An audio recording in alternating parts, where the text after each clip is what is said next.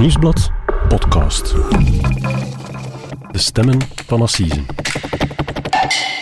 Hallo, mijn naam is Mark Lefman, misdaadreporter bij het Nieuwsblad. En ik ben Cedric Lagast, journalist bij diezelfde krant.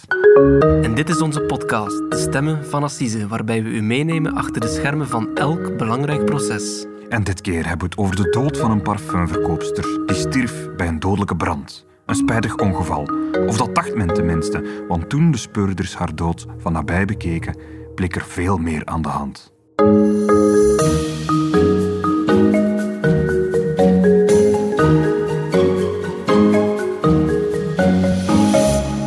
Dag Mark. Dag Cedric. Welkom terug in de studio. We moeten het vandaag hebben over een zeer opmerkelijk assiseproces dat vrijdag start in Gent. Ja. Het gaat over de moord op een jonge parfumverkoopster, vertelde wel, Barbara Ongena uit Sint-Niklaas. Een jonge vrouw die dood werd teruggevonden in haar appartement. Maar als ik het goed begrijp, was het eigenlijk van bij het begin niet helemaal duidelijk dat het hier om een moord ging. Nee, helemaal niet. eh, Want eh, aanvankelijk eh, leek het erop dat het om een ongeluk ging. De zaak is begonnen als een, als een woningbrand. Een, ja, gewoon een accidentele brand. Maar pas na verloop van tijd ja, ontdekten de, de speuders dat die brand eigenlijk in, in scène was gezet. En dat hem iemand had brand gesticht om te verdoezelen dat daar een moord gepleegd was eigenlijk. Ja, klopt. Hè. Dus de wetsdokter die heeft achterhaald eh, dat, het, dat het slachtoffer wel degelijk vermoord werd en dat haar dood niet kwam door de brand. Nu, het onderzoek heeft uiteindelijk ja, eh, haar moordenaar kunnen ontmaskeren. En het opmerkelijke in heel deze zaak is dat de dader zijn inspiratie heeft gehaald uit zijn eigen verleden. Het parket van Oost-Vlaanderen is een onderzoek gestart na een brand in de Oude Molenstraat in Sint-Niklaas. Daarbij is een vrouw van 33 jaar om het leven gekomen. De brandweer kwam ter plaatse omdat de vrouw al een tijdje geen gehoor meer had gegeven. Toen de brandweer de woning binnendrong, bleek er een brand te hebben gewoed. Maar die was al grotendeels gedoofd door een gebrek aan zuurstof in het appartement. De brandweer trof dan in een van de kamers het lichaam van de vrouw aan. Alles begint dus met een, eh, een, een dodelijke brand, zeg maar. We hoorden hier net een, een verslag van TV Oost over eh, die brand eh, uit juni 2019. Ehm, laten we daar beginnen. Vertel eens, hoe, hoe is dat in zijn werk gegaan? Maar ja, het, het hele onderzoek gaat eigenlijk van start op een, op een warme dinsdagavond. Eh, Het, het, het gebeurde op 18 juni 2019. Eh, plots kwam er een telefoontje eh, in Sint-Niklaas naar de brandweer. Ehm, het, was, het was een uur of half zeven overdag. Ehm, en een zekere Lena belt de hulpdiensten. Dus ze staat, zij staat aan het appartement van haar collega Barbara, het slachtoffer, eh, met wie zij dus samen in een, in een parfumwinkel werkt. En ze hadden afgesproken eerder op die dag dat Lena die avond op, de, op de twee zoontjes van Barbara zou passen. Eh, want, want zij wilde graag naar de bioscoop gaan op date. Ja. Maar toen Lena daar aanbelde, deed Barbara niet open. Nee, de babysit komt, maar de deur wordt niet opengedaan. En, en waarom belt de babysit dan uiteindelijk naar de brandweer? Wel ja, eerst heeft ze naar de huisbaas gebeld, hè, want ze is ongerust. Want ja, dat was niet van haar gewoonte om niet, om niet open te doen. En ze wist eigenlijk van ja, ze moet wel thuis zijn, want haar auto staat voor de deur. Maar goed, ja, ze doet niet open, ze belt de politie. ehm, en nog voor de politie komt, wil ze eigenlijk samen met de huisbaas naar binnen gaan. Maar dan op dat moment gaat er een rookmelder af. En zien ze ook door de, door de gleuf van de brievenbus zien ze rook komen. Dus de brandweer komt er dan ook bij. Hè. Twee brandweermannen gaan naar binnen, naar het appartement van Barbara. De slaapkamer is op de tweede verdieping en ze zien daar meteen dat er heel veel, ja, dat er heel veel rook hangt in de woning, in de trappenhal. Ehm, als ze die deur open doen, dan komt de rook echt ja, tegemoet. Ze moeten, ze moeten zelfs een warmtecamera boven halen. En, en, en op dat moment zien ze dat de vuurhaard ja, uit de slaapkamer van het slachtoffer moet komen. En daar stellen ze vast dat er een matras aan het branden is. En een slachtoffer ligt op die matras. Ja, maar eerst zien ze dat niet. Eh, Ze vinden haar uiteindelijk wel. Ehm, uiteindelijk, als ze haar lichaam dan vinden eh, op die matras, dan zien ze, ja, ze ligt daar in haar ondergoed op die matras. Ehm, en ze proberen het lichaam nog naar beneden te brengen, eh, naar de garage. Daar staan ondertussen ook twee ambulanciers. Ehm, ze proberen het slachtoffer nog te reanimeren, maar dat lukt niet, want ze bleek al overleden. Ze is, is gestorven in de brand, gestikt in de rook. dan. Maar daar lijkt het op, aanvankelijk wel op, hè, ja. En, en, en is er meteen ook een oorzaak van die brand duidelijk? Zien ze wat, wat, wat, wat die brand veroorzaakt heeft? Maar ja, uiteindelijk als de situatie wat veiliger is, dan, dan gaan ze gaan kijken naar eens op die matras en daar vinden ze een, eh, een powerbank. Je weet wel, dat is zo'n toestel Om een een, gsm op te gsm laden. op te laden of een tablet op te laden. En het lijkt er afhankelijk op dat de brand daar ontstaan is, dat er misschien ja, een soort kortsluiting is ontstaan op dat toestel en dat dat op die manier de brand heeft veroorzaakt. Ja, en, en dat lijkt als een accident. Een kortsluiting in, in een gsm, daar waarschuwen in de krant ook vaak hoor. Eh, Ja. laat je gsm s'nachts niet op. Op zich is dat niet zo verdacht op dat moment. Maar goed, eh, de politie besluit het, eh, ja, toch van dichterbij te, te bekijken. Het is eigenlijk het parket dat heeft beslist om een, een, ja, een zogenoemde scout aan te stellen. Wat is een scout? Ja, dat is, dat is hier nog niet zo vaak voorgekomen, denk ik. Dat is een scout, dat is, dat is eigenlijk een politieman die bij ja, onduidelijke overlijdens gaat hij dan ter plaatse om ja, de eerste bevindingen op te maken. En het is op basis van zijn verslag dat het parket dan moet beslissen, ja, was dit nu een natuurlijk overlijden? Of is er toch meer aan de hand? Is het misschien toch een verdacht overlijden? En moeten we hier een moordonderzoek starten? En aangezien dat we het nu in deze podcast over, over deze zaak hebben, vermoed ik dat het het tweede was. Ja, absoluut. Dus eh, diezelfde avond nog is er, een, eh, is er een branddeskundige aangesteld en die besluit, ja nee, dit kan geen accidentele brand zijn. Het gaat hier wel degelijk om kwaad opzet.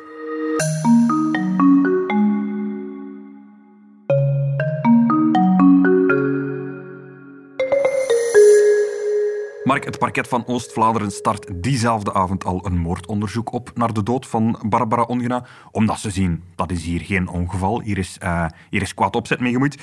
Ik vermoed dat ze zich meteen zijn gaan verdiepen in haar levenswandel, in haar geschiedenis en de mensen met wie ze omging. Ja, natuurlijk, dat is gebruikelijk. En opvallend is eigenlijk meteen ook dat ja, het slachtoffer, dus Barbara, die, die woonde nog maar ja, een drietal weken in dat appartement in Sint-Niklaas. Het was pas verhuisd. Ze was pas verhuisd. Hè. Barbara Ongenau die was 33 jaar oud. Ze was, ze was moeder van twee zoontjes van, van 6 en 8.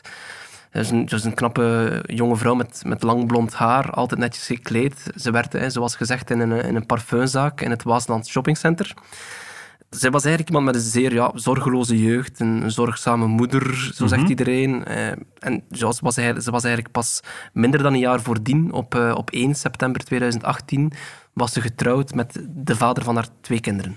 Maar pas getrouwd en het feit dat ze nu pas verhuisd was, alleen woonde op een appartementje, dan besluit ik dat het eigenlijk niet zo goed ging in die relatie. Nee, inderdaad. Dus zij en Dennis, dat is dan de vader van haar kinderen, die kennen elkaar al heel lang, hè, sinds 2004. Ehm, ze hebben samen een huis gebouwd in Temse. Eigenlijk afhankelijk leek dat het zo een beetje het perfecte plaatje. Maar kort na hun huwelijk in 2019 begon het wat fout te gaan.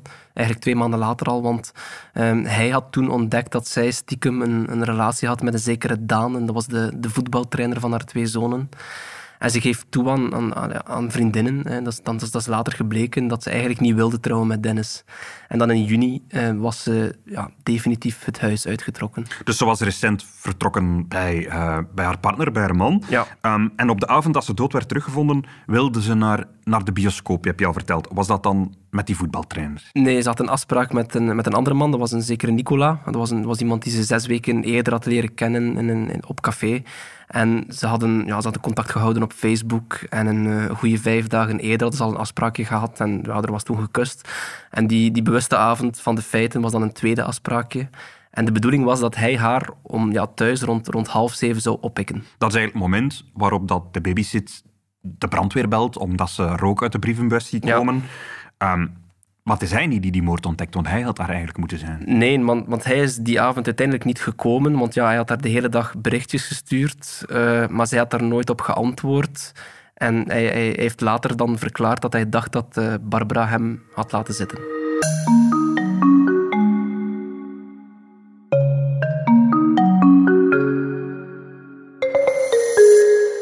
Oké, Mark, er loopt dus een onderzoek naar de mensen in het leven van Barbara Ongena, ook naar haar familie, vermoed ik. Ehm, maar ik vermoed ook naar, naar haar ex-echtgenoot eigenlijk, naar de man bij wie dat ze pas vertrokken was. Ehm, wat was zijn verhaal?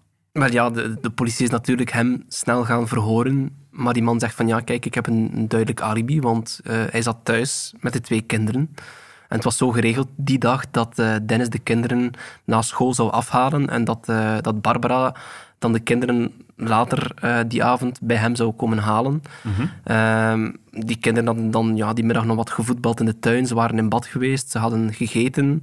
Maar Barbara die was niet opgedaagd, heeft hij dan verklaard. En, en Mhm. ja, zijn ondervragers zien ook niet zo zien ook niet meteen iets speciaals aan hem, behalve dat hij een kleine wonde had aan zijn linker wijsvinger. Ja, en hij heet Dennis. Eh, wie is die Dennis eigenlijk? Wel, voluit heet hij Dennis Peters. Dat is een man van 38 op dat moment. Ehm, hij heeft een eh, verleden als cafébaas.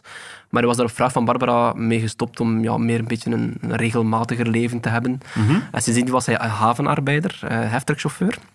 Ze hebben een huis gebouwd. Hij werkte veel hard. ehm, en ja, al zijn vrije tijd stak hij dan in zijn gezin. Hij stikt veel tijd en energie in zijn gezin, maar bon, één jaar later na zijn huwelijk zijn ze alweer uiteen. Dus ik vermoed dat het toch niet allemaal roze geur en maneschijn was. Nee, totaal niet. Ehm, meteen na de feiten zijn er eigenlijk veel vriendinnen en collega's van Barbara die zijn, die zijn spontaan naar de politie gestapt om te zeggen van zoek niet verder, het is Dennis Peters. Ze hebben een duidelijke hoofdverdachte. Ja, ze vertellen aan de politie dat Dennis de, de breuk van, met Barbara eigenlijk totaal niet kon verkroppen en dat hij haar, ja, dat hij haar echt lastig viel. Dat heet het, het openbaar gerucht. Hè. En in eerdere podcast hebben we het daar al eens over gehad, dat de politie ook vooral luistert naar de, de geruchten, de roddels eigenlijk, die, die de ronde doen in, een, in, in, het, in de omgeving van het slachtoffer. En dat ze ook daar heel veel uit kunnen Ja. leren. Hè. Maar hier, ja, het was echt wel duidelijker dan roddels. Er kwamen echt wel heel veel verhalen naar boven.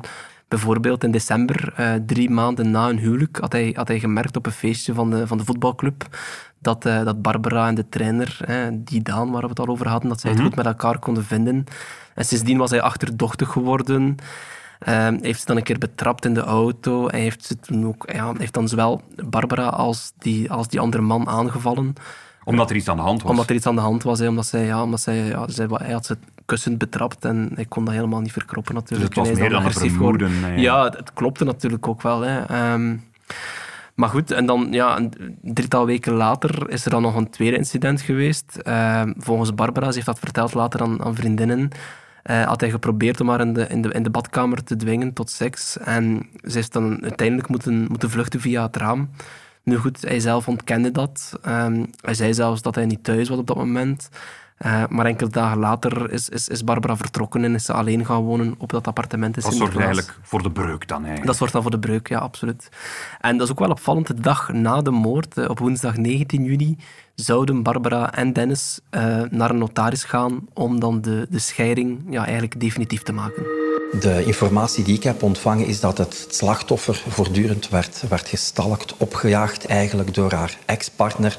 En ik vrees dat dit wel eens een gevolg zou kunnen zijn van een aaneenreiging van stalking, achtervolgingen en zo meer. Welke vormen van stalking? De informatie die ik heb was in de zin van telefoneren, berichten sturen, uh, onophoudelijk gaan contacteren, zelf staan opwachten enzovoort, eigenlijk niet aflaten. We hoorden hier advocaat Herman Bogaerts, de toenmalige advocaat van de familie van Barbara Ongena, in een reportage uit 2019 bij onze collega's van TV Oost. Ehm, Mark, dat klinkt allemaal heel alarmerend, hè? Eh, maar wil dat ook zeggen dat hij een moord heeft gepleegd? Ja, Dennis, Dennis Peters wordt ondervraagd, maar hij ontkent. Hij zegt van, ik was gewoon thuis. Ik was gewoon thuis bij de twee kinderen. En die kinderen die zijn door de politieagenten eh, audiovisueel verhoord. En die bevestigen ook heel het verhaal. Die zeggen van, ja, papa die is niet weg geweest. Maar dan, plots, duikt er een getuige op. En dat, dat was een, een vroegere vriend van Dennis Peters, met wie hij ooit in een eh, café heeft samengewerkt. En die man is naar de politie gestapt en heeft gezegd van, kijk, die bewuste dinsdagavond was ik met mijn koersfiets aan het fietsen en plots zag ik Dennis. Dat was rond een uur of half zes. En het opvallende aan zijn verhaal, ik zag Dennis, maar dat was niet in Temse, maar wel in Sint-Niklaas, aan het appartement van Barbara. Dat is boeken toe natuurlijk, want ja, hij is gezien aan het appartement van het slachtoffer, zo'n 20 kilometer van zijn eigen huis. Hij zat niet thuis in Temse. Ja, zijn alibi is weg. Zijn alibi is weg. En ja, hij had, hij had- hij- ook gecombineerd natuurlijk met de, met de verhalen van de familie van, van Barbara. Die zeggen van ja, eh, zoek niet verder, het is Dennis Peters. Ja, dan, dan, dan is het inderdaad boeken toe. En dan laat het gerecht eh, Dennis Peters oppakken. Hij wordt in de gevangenis opgesloten op verdenking van moord. En dan, na drie dagen, heeft hij zelf vanuit de gevangenis naar de onderzoeksrechter gebeld met de mededeling ik wil graag iets bekennen.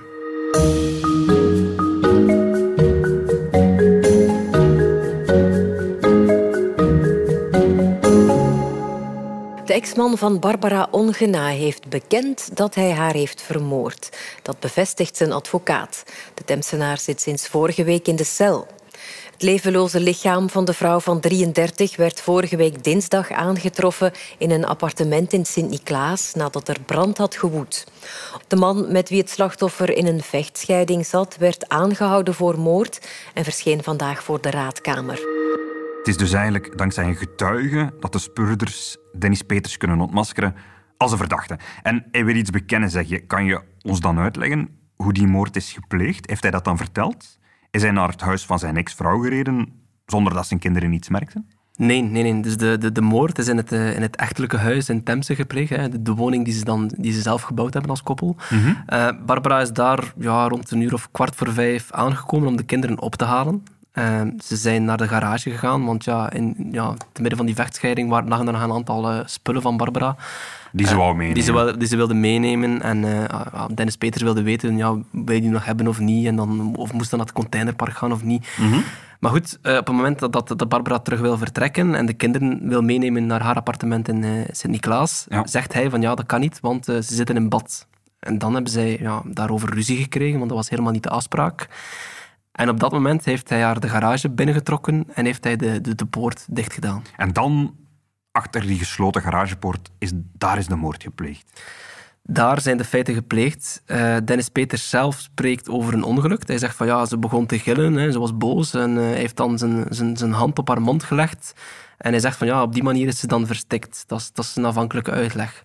Nu goed, het gerecht onderzoekt dat natuurlijk. Uh, de wetsdokters die hebben dat allemaal uitgeplozen en die zeggen van ja, dat kan niet, want de verwondingen lijken er eerder op dat hij haar in een, in, ja, een soort armklem heeft vastgenomen en haar dan heeft gewurgd.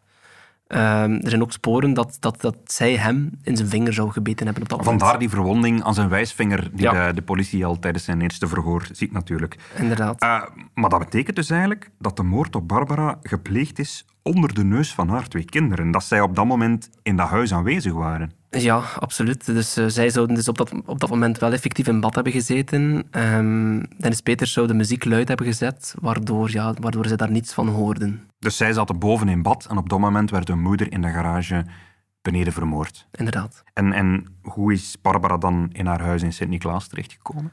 Ja, dat is een, dat is een vrij hallucinant verhaal. Um, en hij heeft op dat moment beslist om haar lichaam in een reiskoffer te stoppen. Dat was een reiskoffer die daar in de garage lag. Um, nu goed, hij moest die reiskoffer natuurlijk uh, op het appartement in Sint-Niklaas krijgen. Hij heeft dan haar auto genomen, heeft die de garage terug binnengereden, Mhm. dan de reiskoffer erin gelegd. En dan is hij vertrokken naar het appartement uh, van Barbara. Oké. Okay. Heeft dan de reiskoffer naar boven gebracht, naar de slaapkamer. Um, daar het lichaam van Barbara eruit gehaald op een matras gelegd. Hij heeft haar uitgekleed. En heeft toen die powerbank waar we het over hadden naast haar bed gelegd. En die heeft hij dan in brand gestoken. En dan eigenlijk op dat moment een beetje gesimuleerd eigenlijk dat die, dat die powerbank een kortsluiting had gehad en, en de brand had veroorzaakt. Ja, zo heeft hij het dan in scène proberen zetten. Hè. Dus dan is hij, uh, vervolgens is hij naar, ja, terug naar huis gekeerd, want die kinderen waren nog gewoon thuis. Mm-hmm. En opmerkelijk daar heeft een, heeft een fiets gebruikt, want hij had, hij, had, hij had ook een fiets bewust meegenomen in de wagen, omdat hij wist van ja, die, met die auto moest achterblijven op het appartement van Barbara, want het moet, het moet lijken alsof ze zelf naar huis is gekeerd. Ja, maar dat is nu wel een hele lange reeks handelingen dat hier opzomt, Mark. Dus ja, heel veel dingen ja. dat je moet denken, dat, dat is een uitgekiend plan, zou je kunnen zeggen. Ja, en dat terwijl het allemaal in een zeer korte tijdspan is gebeurd. Hè. Dus de, de moord zou, of ja, de, de, feiten zouden dan ja, rond een uur of vijf moeten gepleegd zijn. Een kwartier later is hij al vertrokken in Temse. Rond een uur of half zes arriveert hij dan uh, aan het huis in Sint-Niklaas. En nog eens 20 minuten later, om, ja, om 17.49 uur, wordt hij door een camera gefilmd als hij naar huis fietst. Maar goed, hij zegt van ja, ik heb dat eigenlijk allemaal in een opwelling gedaan. Dat was allemaal ja, het gevolg van de adrenaline. En, en die kinderen zaten ondertussen thuis in Temse. Hebben die dan niks gemerkt? Nee, en afhankelijk geloven zij het ook moeilijk. Zij zeggen in een verhoor dat, uh, dat hun papa het niet kan gedaan hebben, want ja, hij was thuis. Uh, het enige was, ja, hij heeft wel op een gegeven moment gezegd van kijk, ik moet, uh, ik moet even naar de bakker om brood. Mark, Dennis Peters bekent de moord op zijn ex-vrouw. Hij zegt dat het een ongeval is. Maar ik, als ik jou zo hoor vertellen wat er allemaal gebeurd is, dan hoor ik toch dat er op, op een periode van amper drie kwartier, dat hij toch heel veel zaken gedaan heeft, dat hij toch precies een, een goed voorbereid plan had. Maar zelf zegt hij dat hij dat allemaal in een opwelling heeft gedaan. Ja, en dat is ook wel heel opvallend. Dat plan is niet bij hem opgekomen daar in het, eh, in het appartement eh, van Barbara in Sint-Niklaas, maar wel in de garage in Temse daar beseft hij eigenlijk op dat moment van ja, straks gaat, uh, gaat de politie of gaan, gaan, gaan, gaat het gerecht een, een, autopsie op het lichaam doen van, van, van Barbara. En dan gaan ze natuurlijk ook ja, onderzoeken of, er, of ze rook heeft ingeademd. Dat is zo typisch bij, bij branden. Ze kijken of dat er rook in de longen zit, want alleen een levend mens kan rook inademen. En als er geen rook in de longen zit, dat betekent dat, dat het slachtoffer al dood was. Ja, inderdaad. En op die manier kan er natuurlijk veel uitkomen. Dus op dat moment al begint hij eigenlijk ja, heel veel voorbereidingen te treffen. Mm de kinderen op dat moment zijn nog altijd in bad, hè, dus die merken niks. Uh, hij neemt een kookpot en uh, hij steekt een handdoek in brand in die kookpot. Mm Vervolgens ja, zoekt hij in de garage een, een stofzuiger, uh, doelbewust. Hij, hij, hij, zet die op blazen. Dus eigenlijk wil hij met die stofzuigerslang wil hij eigenlijk rook in de longen van Barbara blazen. Maar goed, dat, dat plan is, ja, achteraf gezien is dat, is dat mislukt. Ongelooflijk eigenlijk. Hij wilde dus eigenlijk roetdeeltjes in haar longen blazen, omdat hij dan al weet, ik ga straks een brand stichten en ze moeten denken dat ze in die, die, die brand gestorven is. Dat is van een ongeziene ja, Zeker ook gezien die, die, die volledige tijdspannen nog een keer, hè, van, van drie kwartier. Um, goed, het opmerkelijke, het zeer opmerkelijke toch wel, um, de moeder van Dennis Peters, die heette Lilian Janssens. Zij was tien jaar eerder in precies dezelfde omstandigheden om het leven gebracht. Dat was in 10 juni 2019 was dat. En de hulpdiensten zijn toen ja, ook naar haar appartement in eh, Sint-Niklaas geroepen, omdat er, ja, er was daar ook een brand uitgebroken. En zijn moeder werd daar dood teruggevonden. Uh, ze bleek in slaap gevallen uh, met een sigaret. Allee, zo, zo leek het toch op, op het eerste moment. Maar achteraf, uit het onderzoek, is later gebleken dat, dat zijn moeder gewurgd was en dat de brand was aangestoken om de moord te verdoezelen. Dat is eigenlijk identiek hetzelfde. Het is een, een vrouw die gewurgd is, om het leven is gebracht. hetzelfde. En dan iemand die een brand sticht, om eigenlijk de brandweer te doen geloven, ze is gestorven in de brand. Ja. En, en bij, die, bij die moord uit 2009, weten ze wie die moord gepleegd heeft? Wel ja, een, half jaar na die moord is er een, eh, is er een man opgepakt. Dat was een 26-jarige eh, man. Dat was de toenmalige buurman van Lilian. En hij werd uh, aangehouden op verdenking van moord. Hij heeft een, heeft een jaar in voorrechtenis gezeten. Hij is vervolgens geïnterneerd. Uh, dus wat ook wil zeggen dat hij nooit veroordeeld is voor die moord. Hij werd eigenlijk ontoerekeningsvatbaar verklaard. Uh Maar het, gaat, ja, het gerecht gaat ervan uit dat hij dus wel die moord gepleegd heeft. Nu goed, ehm, toen de feiten van Dennis Peter aan het licht zijn gekomen, uh, ze hebben dat natuurlijk uh, ja, van dichterbij gaan bekijken. Ons collega Dirk Kozemans is die man uh, twee jaar geleden ook gaan opzoeken thuis, want ja, hij was ondertussen al, al vrijgelaten. Um, en hij, zat, hij zei toen in een interview met onze krant dat hij onschuldig was. En meer nog, hij suggereerde in dat interview eigenlijk dat Dennis Peters zijn eigen moeder zou vermoord moeten hebben. Maar ja, hij is dan natuurlijk beginnen denken, een keer die feiten van Dennis Peters, een keer die feiten aan het licht zijn gekomen. Nu, tot nu toe blijft het gerecht ervan overtuigd dat het wel degelijk de buurman was, dat er geen aanwijzingen zijn dat, dat Dennis Peter daar, uh, daarbij betrokken is. Voor alle duidelijkheid, hij staat vandaag ook niet terecht voor de moord op zijn moeder. Die zaak is, is nooit heropend. Ja, voor zover we weten is er eigenlijk ook niet meer onderzocht. Dan blijft wel het hele pijnlijke gegeven dat Dennis Peters zich heeft laten inspireren door de moord op zijn eigen moeder. Ja, en hij geeft dat ook zelf toe. Hè. Hij is ondervraagd en hij heeft verklaard van kijk, ik begon te, te denken wat ik moest doen om het allemaal te verbergen. En plots moest ik aan mijn moeder denken. Want, hè, we weten, bij de, bij de moeder hebben ze ontdekt uh, destijds dat er, dat, er, dat er geen rook in haar longen zat, waardoor dan uiteindelijk is uitgekomen dat, dat ze vermoord was. Mhm. En hij wilde dat natuurlijk ja, koste wat kost vermijden, dat dat ook zou gebeuren bij Barbara. Want hij was van mening van ja, zij moet wel zeker uh, rook in haar longen hebben, anders gaat iedereen naar mij kijken. Maar goed, zijn, uh, zijn plan bleek uiteindelijk mislukt.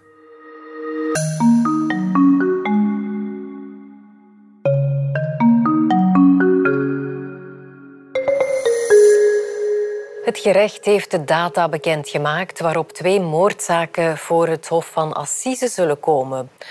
Op 11 maart moet Dennis P. zich voor de volksjury verantwoorden voor de moord op de 33-jarige Barbara Ongena. De feiten dateren van juni 2019. Mark, het assiseproces in Gent start deze vrijdag.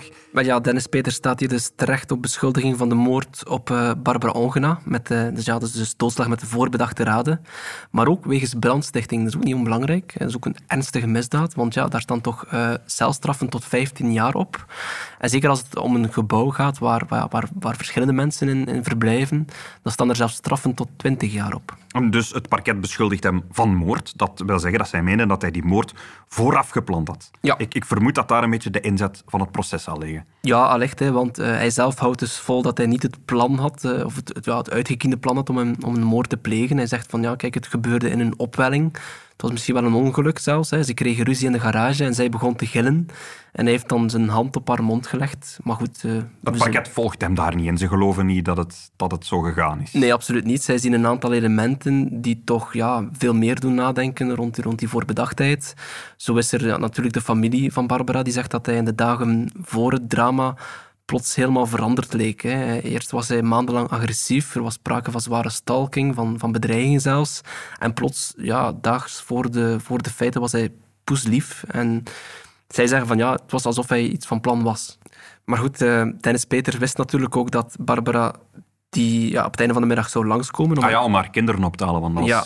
gepland. Ja, maar goed, hij heeft ze dan in bad gezet. Uh, zelf zegt hij erover, dat was om die, om die overdracht van die kinderen te, te, te, saboteren, zeg maar. Een beetje vechtscheiding zo, je krijgt die kinderen niet mee, het zijn mijn kinderen, dat soort idee. Ja, maar het zou natuurlijk ook kunnen dat hij daarmee wilde verhinderen dat zij, ja, dat, dat, dat zij getuigen zouden zijn van de moord, natuurlijk. Ja.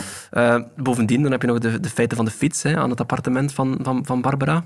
Um, hij zou enkele dagen eerder al op internet hebben opgezocht hoe je, hoe je de zetels van de auto moest platleggen. Hè. En ze vonden, dat is wel zeer opmerkelijk, Cedric, uh, bij een huiszoeking heeft de politie ook een, ja, een soort to-do-lijstje aangetroffen. En dat waren eigenlijk allemaal zaken die hij ja, in die 49 minuten tijd moest geregeld krijgen. En hij zegt daarover van, ja, kijk, dat zijn, ik, heb dat, ik heb dat briefje na de, na de feiten pas, uh, pas neergepend. Maar het lijkt eerder voor de speuder dan op een soort to-do-lijstje om alles in die korte tijdspannen ja, gebolwerkt te krijgen. Dat hij zeker niks mocht vergeten. Ja. Wie is de advocaat die Dennis Peters moet helpen om de jury ervan te overtuigen dat hij vooraf geen snode plannen had? Wel, een bekende naam hier eh, in de podcast. Uh, zijn advocaat is Johan Plateau.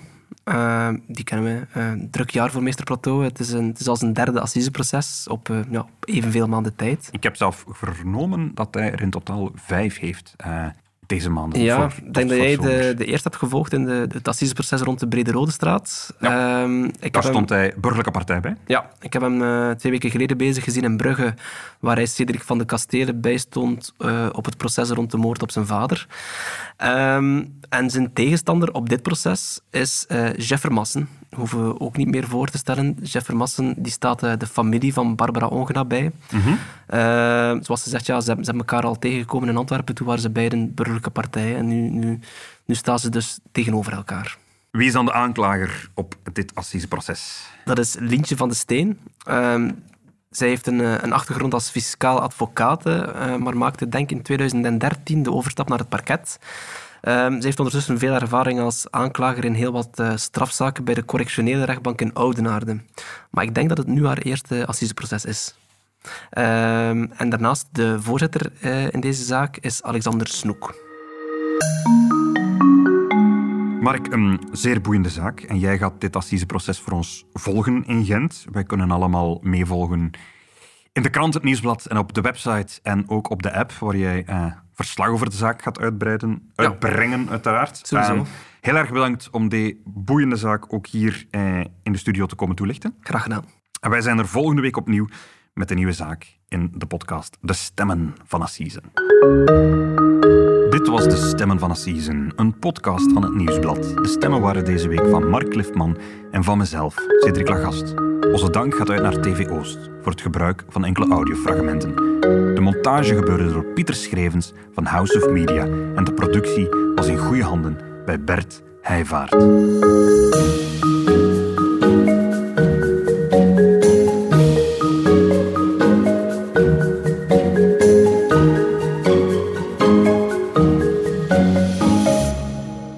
Heb je de andere podcasts van het Nieuwsblad al beluisterd? Seks verandert alles, Het Punt van Van Impe, Vrolijke Vrekken, Shotcast en de koers is van ons.